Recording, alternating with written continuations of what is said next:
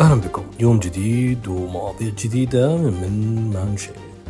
في حلقة اليوم صراحة إحنا تفاجأنا إلى إلى حد كبير بخبر انتقال اللاعب حسان تمبكتي إلى نادي الهلال، وشفنا إنه اليوم نتداول هالموضوع ونشوف تبعاته بحكم إن اليوم هو من أمس صراحة هاشتاج حسان تمبكتي إلى الهلال يعتبر هو الأعلى في السعودية.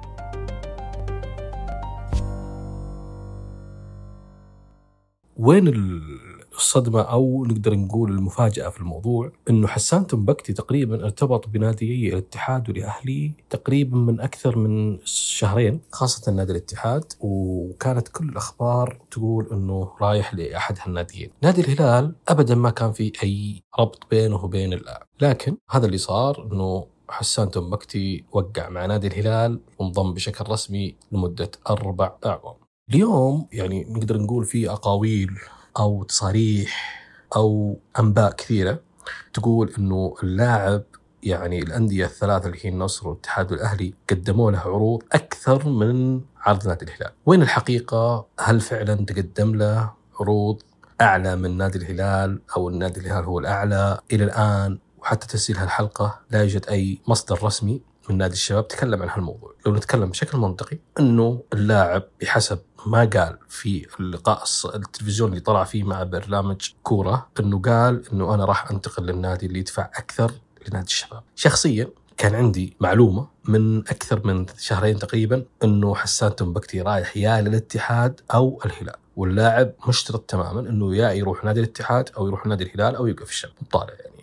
النادي الأهلي والنصر كان مستبعدهم تماما من الخيارات. تحليلي الشخصي لهالموضوع إنه يعني وحسب هذه برضو أشياء من من من الأشياء اللي أثيرت في في, في الإعلام وتم تداولها في تويتر بشكل كبير إنه كان في عروض فعلا من نادي الاتحاد ونادي النصر ونادي الأهلي للاعب وكان العرض الأعلى في ذاك الوقت هو الهلال. والهلال استغل هالموضوع وجات العروض الرسمية من الأندية. الأندية كانت تتوقع إنه بيكون في أخذ وعطاء إنه لا العرض قليل لا ارفعوا زي كذا. ممكن إنه الهلاليين قالوا لنادي الشباب هذا آخر أعلى عرض وصلكم هذا المبلغ فوق عرض النادي لكن الشرط إنك توقعون الآن. وهذه عادة في المفاوضات ممكن تحصل. وممكن إنه استغلها رئيس نادي الشباب ويتوقع إنه في ذاك الوقت كان هو يعني هذا هو الطريقة الأسلم. الأقاويل طلعت بعد ما وقع اللاعب للهلال إنه في عرض ب 120 مليون في عرض ب 80 مليون في عرض ب 70 مليون في عرض ب 60 مليون. من أندية مختلفة، اليوم الأندية الثانية ما حد طلع وقال إنه والله فعلا إحنا قدمنا هالعرض، المفروض إنه مثلا نادي النصر، نادي الأهلي، نادي الاتحاد حتى إنهم يحرجون إدارة نادي الشباب ويضعونها في موقف صعب. المفترض إنهم يرفعون يعني يفصحون عن العروض اللي قدموها. إما تسرب بطريقة ما أو إنه في النهاية آه، تطلع الاعلام حتى إنه الموضوع هذا فعلا إذا كان نادي الهلال كان هو عرضها الأقل فهنا في علامة استفهام على رئيس النادي اللي هو خالد ثنيان إنه بأي حق بعت لنادي الهلال ونادي الهلال هو العرض الأقل فعلا مثل ما قاعدين يقولون الآن الجماهير. نادي الاتحاد تقدم بعرض رسمي حسب ما قيل، النصر أيضا، الأهلي. محمد العنزي في برنامج أكشن وليد قال إنه الصفقة هذه معرضة للكثير من المشاكل وأنه ممكن التوقيع ما يتم وذكر حجة قانونية لكن في النهاية تم تفنيدها وقالوا لا فعلا رئيس النادي قادر على أنه يوقع مع اي لاعب. عرض الهلال الرسمي ما طلع حتى الآن أنه وش لنادي الشباب لكن الاكيد أنه حسن تنبكتي شراه نادي الهلال ووقعوا معه أربع سنوات وش بيجي نادي ال ال يعني قيمة الصفقة وش توابعها وش اللاعبين اللي بيصيرون معها هل في لاعبين أصلا مع نادي الشباب أو بيروحون لنادي الشباب أو لا. إلى الآن هذا الشيء ما طلع حتى الان ويعني حتى انه نأخذ آراء يعني حاولنا نأخذ آراء صحفيين من ميول متفرقة في مشهد حيث التقينا بالمستشار الإعلامي الأستاذ عثمان أبو بكر ماري وسألناه عن سبب مفاوضة الأندية الأربعة للاعب حسان تنبكتي. سبب مفاوضة حسان من قبل الأندية الأربعة هو أمر طبيعي جدا.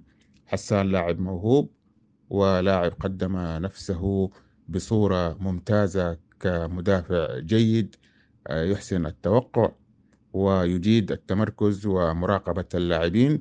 وبالتالي هو حاليا آه، يعد واحد من أفضل إن لم يكن أفضل آه، لاعبي قلب الدفاع في الأندية السعودية. وعن سبب اختيار اللاعب آه، حسان لنادي الهلال رغم العروض الضخمة قال اختيار حسان نادي الهلال رغم أن هناك عروض أكبر فبالتأكيد أنه فريق مثل مثل الهلال كل لاعب يتمنى في الواقع أن يكون ضمن هذا الفريق خاصة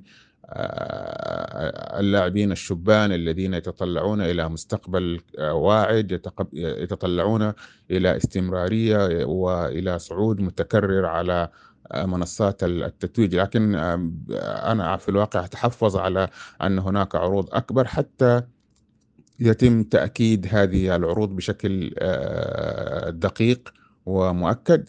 وفي كل الأحوال من حق حسان في الواقع أن يختار النادي الذي يرى أنه ربما يساعده أكثر في البروز ويساعده في الاستمرارية كلاعب نجم أيضا التقينا بالمحلل والناقد الرياضي ناصر الغربي وسألناه عن دور خالد ثنيان رئيس النادي في المفاوضات آه، مع اللاعب حسان تنبكتي واللغط اللي صار بين أعضاء مجلس إدارة نادي الشباب. أنا أرى أن الأستاذ خالد ثنيان رئيس نادي الشباب لعب دورا محوريا ومهما واستراتيجيا في آه، المفاوضات وفي كسب آه، أغلى صفقة آه، في كرة القدم السعودية ماليا لصالح ناديه نادي الشباب حيث قاربت صفقة النجم الكبير حسن تبكتي لانتقال الهلال 70 مليون وبالتالي يجب على الشبابيين أن يقدروا هذا العمل الإداري الاحترافي والذكاء الكبير لدى الأستاذ خالد. لأن اللاعب في الفترة الأخيرة ومنذ البطولة العربية كان يتحدث ويلمح وصرح قبل أيام أنه يرغب في الانتقال آه، من نادي الشباب. وكانت النية واضحة لدى اللاعب في هذا الانتقال. آه، فحفاظا على مكتسبات النادي نجح الأستاذ خالد في آه، المفاوضات مع الهلال ورفع قيمة القيمة السوقية للاعب إلى 70 مليون هو رقم كبير على اللاعبين السعوديين ولاعب مدافع يعني. صحيح الكابتن حسان نجم لكن ما كان القيمة السوقية للاعبين السعوديين تصل لهذا المبلغ. يعني آه، وأغلى صفقة كانت في الكرة السعودية كانت أقل أو النصف تقريبا من هذا المبلغ. فبالتالي آه، يحسب الأستاذ خالد تنيان هذا هذا الذكاء الإداري في التعامل مع معطيات الأزمة مع اللاعب وأيضا في الظفر بقيمة سوقية رائعة جدا لنادي الشباب. وعلى سبب الضجة الكبيرة من أعضاء وجمهور الشباب وحتى الرئيس السابق ذكر أن الصورة لم تكن واضحة تماما والعقلاء من النادي آه، الشباب كانوا مباركين وداعمين أنا أعتقد أن سبب الضجة الكبيرة سواء من أعضاء الشرف وجمهور نادي الشباب آه، وحتى الرئيس السابق مع احترامي وتقديري للجميع آه، ليست في محلها آه، ولكن التواجد في مثل هذه الصفقة بأي شكل كان أعتقد أنه يعني يسلط الضوء بشكل قوي على هذا الذي يتناول هذه الصفقة إيجابا أو سلبا. الأستاذ خالد وحسب آه، قانونيين ومختصين تعامل بقانونية وباحترافية.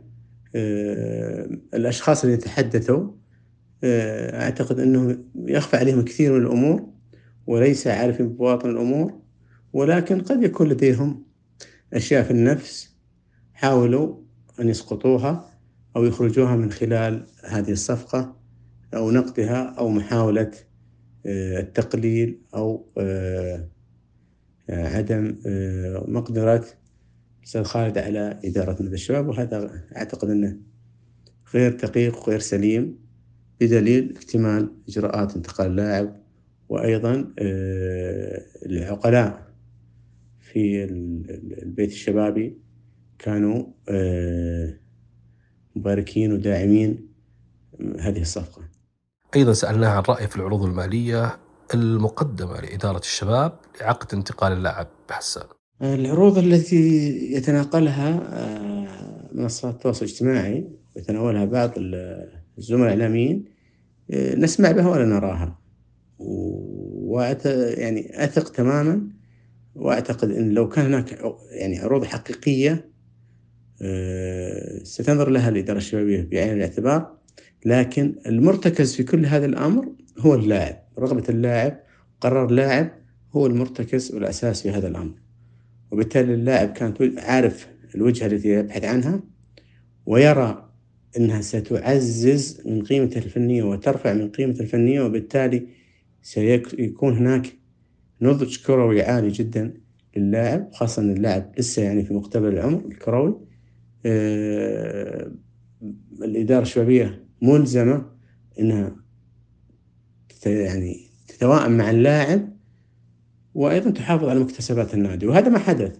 يعني لما نشاهد آه، المفاوضات نشاهد القيمة السوقية المرتفعة للاعب في هذه الصفقة كأعلى آه، قيمة سوقية للاعب سعودي آه، جدا مهم. من يتحدث عن هناك مبالغ أكثر بكثير؟ هو حديث لا يقترن بحقيقة جلية واضحة.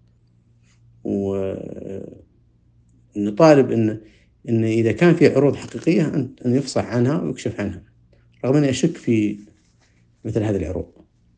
ممكن كان مفاوضات شفهية وكلام لكن كعمل احترافي ومهني بتقديم عرض مثبت للإدارة الشبابية للاعب ما ما كان فيه هذا هذا هذا هذه العقود أو العروض المقدمة للإدارة الشبابية، الإدارة الشبابية تعاملت مع مفاوض أظهر الجدية وأظهر القدرة والكفاءة المالية القادرة على تحقيق متطلبات النادي وأيضا اللاعب وبالتالي تمت الصفقة.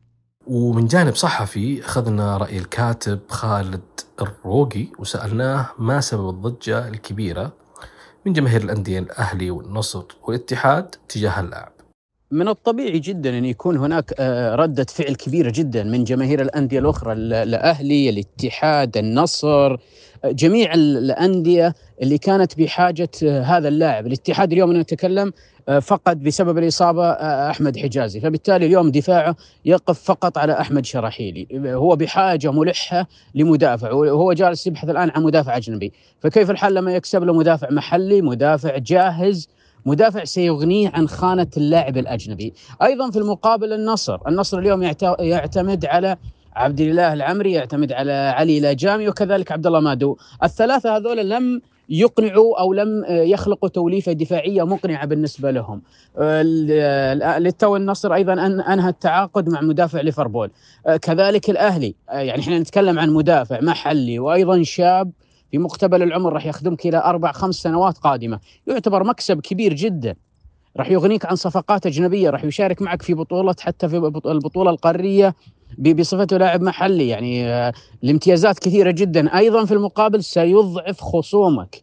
يعني أنت ما تتكلم عن صفقة إنك تكسبها وينتهي الأمر عند الشيء هذا. بالعكس هذه صفقة يعني خليني أقول لك آه، فوائدها كثيرة إذا إحنا نتكلم الآن ثلاث أو أربع فوائد للفريق اللي راح يكسبه أو للفريق اللي كسبه اللي هو الهلال، فبالتالي من الطبيعي جدا أن تتأثر وأن تتضايق ويكون فيه ردود فعل من الجماهير الأخرى. وعن توقعه عن لقاء ولعب حسان ضد نادي الشباب في الدوري السعودي مستقبلا ذكر أنه منذ تطبيق الاحتراف في الملاعب السعودية تقريبا تلاشت هالعاطفه ولو حتى لو انتقل من الهلال سيقدم كل مستواه ليثبت نفسه في النادي الجديد. أعتقد إنه يعني كثير من اللاعبين الآن يعني إحنا سابقا اللاعب إذا انتقل من ناديه القديم إلى ناديه الجديد يجد حرج أو يجد في نوع من العاطفة في اللاعب أمام النادي الجديد لكن أنا أظن إن هذه تلاشت بشكل كبير جدا أصبح من سنوات أصبح الاحتراف حاضر وبقوة أصبحت يعني أصبح موضوع الاحتراف هو هو من يحدد مثل هذه المباريات. راح يقدم مستوى كبير جدا مع ناديه الجديد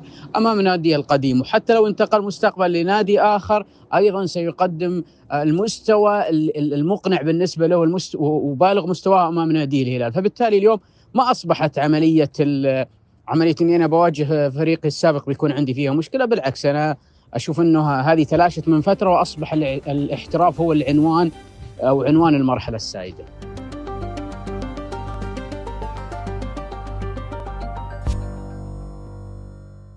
أما الآن نستعرض معكم أهم الأحداث والفعاليات. لا تزال فعاليات المزاد الدولي لمزارع إنتاج الصقور مستمرة في مدينة الرياض مشاركة من 14 دولة.